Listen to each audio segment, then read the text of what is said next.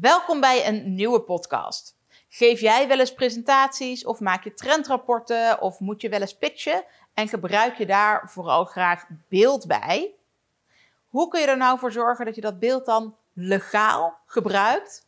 Ook als je geen stokmateriaal kunt gebruiken of als je geen toestemming hebt gekregen om dat beeldmateriaal te gebruiken. Blijf vooral even luisteren voor het antwoord. Charlotte, de social media jurist van Nederland.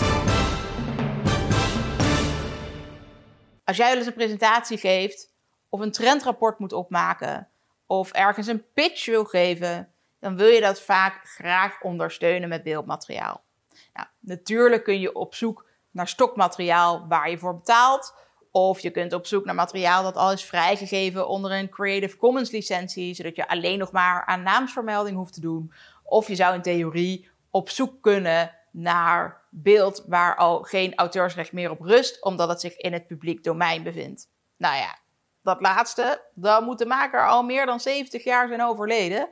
Dus over het algemeen zijn die beelden simpelweg te oud voor jouw doel. Hoe kun je nou zorgen dat je toch nieuw beeld kunt gebruiken voor iets dat juist ook trendgevoelig is, dat actueel is, dat je nu wil gebruiken, omdat je bijvoorbeeld vertelt over het nieuws, omdat je vertelt over de trends die nu spelen, wat er nu verkrijgbaar is, of anderszins omdat je een pitch, of een presentatie geeft waarbij je graag actueel beeldmateriaal wil gebruiken.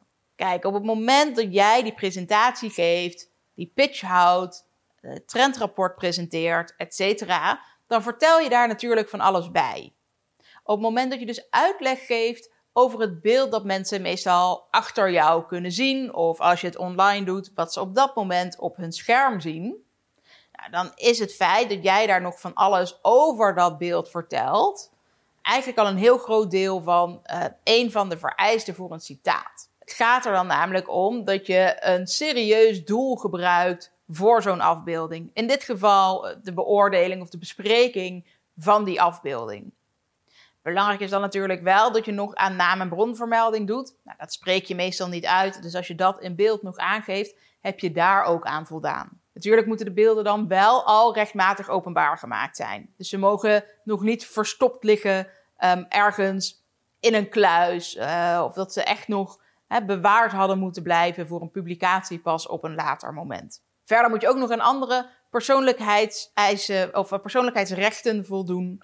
Dus dat betekent dat je niet zomaar die afbeeldingen bijvoorbeeld mag manipuleren en mag wijzigen. Dat je daar niet een andere titel mag geven aan wat je op die afbeeldingen ziet. En je mag niet meer gebruiken dan nodig. Dus laat het vooral in beeld staan, zo groot en zo lang als jij het nodig hebt om het te bespreken. Maar gebruik het dus niet alleen maar nog ter versiering of om alles een beetje op te leuken. Het moet wel echt een functie hebben. Als je dat doet, dan gebruik je het als citaat. Nou, dat is natuurlijk heel fijn op het moment dat jij die presentatie echt aan het geven bent. Dan koppelen we jouw tekst aan dat beeld.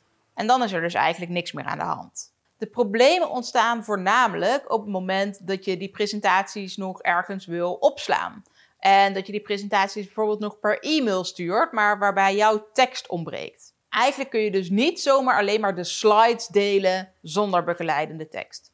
Dat betekent dus dat je eigenlijk het zou moeten omvormen, bijvoorbeeld naar een soort rapport, e-book, zoiets dergelijks, waarbij de tekst en de afbeelding weer bij elkaar komen, zodat de afbeelding echt weer ondersteunend wordt aan de tekst. Want dat is wat het uiteindelijk een citaat maakt. Dus wil jij afbeeldingen gebruiken die je niet kunt kopen, waar je geen toestemming voor krijgt of niet voor kunt krijgen en waar gewoon nog auteursrecht op rust, gebruik het gerust als citaat, maar zorg dus wel dat dat altijd een serieus doel is. Dat je niet meer gebruikt dan nodig. Dat je altijd aan naam en bronvermelding doet. En dat je beeld ondersteunend blijft aan de tekst die jij uitspreekt of hebt opgeschreven. Heb je nou meer vragen over hoe je dit allemaal op een juiste manier kunt vormgeven en waar de grens nou ligt tussen wat wel nog mag en waarbij je te ver gaat en waarbij je misschien te weinig context hebt gegeven, boek dan vooral een oploskoffie via www.oploskoffie.nu. Dankjewel voor het kijken naar deze video. Had je daar wat aan? Klik vooral nog even op het duimpje omhoog. Wil je meer van dit soort video's zien? Abonneer je dan vooral even als je dat nog niet gedaan hebt. En stuur deze video nou door naar al je collega's en andere ondernemers die wat kunnen hebben aan deze informatie. Zodat we allemaal eerlijk met elkaars auteursrechten om kunnen blijven gaan. Dankjewel voor het luisteren naar deze podcast. Heb je nog meer vragen over het gebruik van beeldmateriaal in presentaties en rapporten of op een andere manier? Boek vooral nog een oploskoffie via www.oploskoffie.nu. Wil je beeld zien bij deze podcast? Bekijk het dan vooral op YouTube.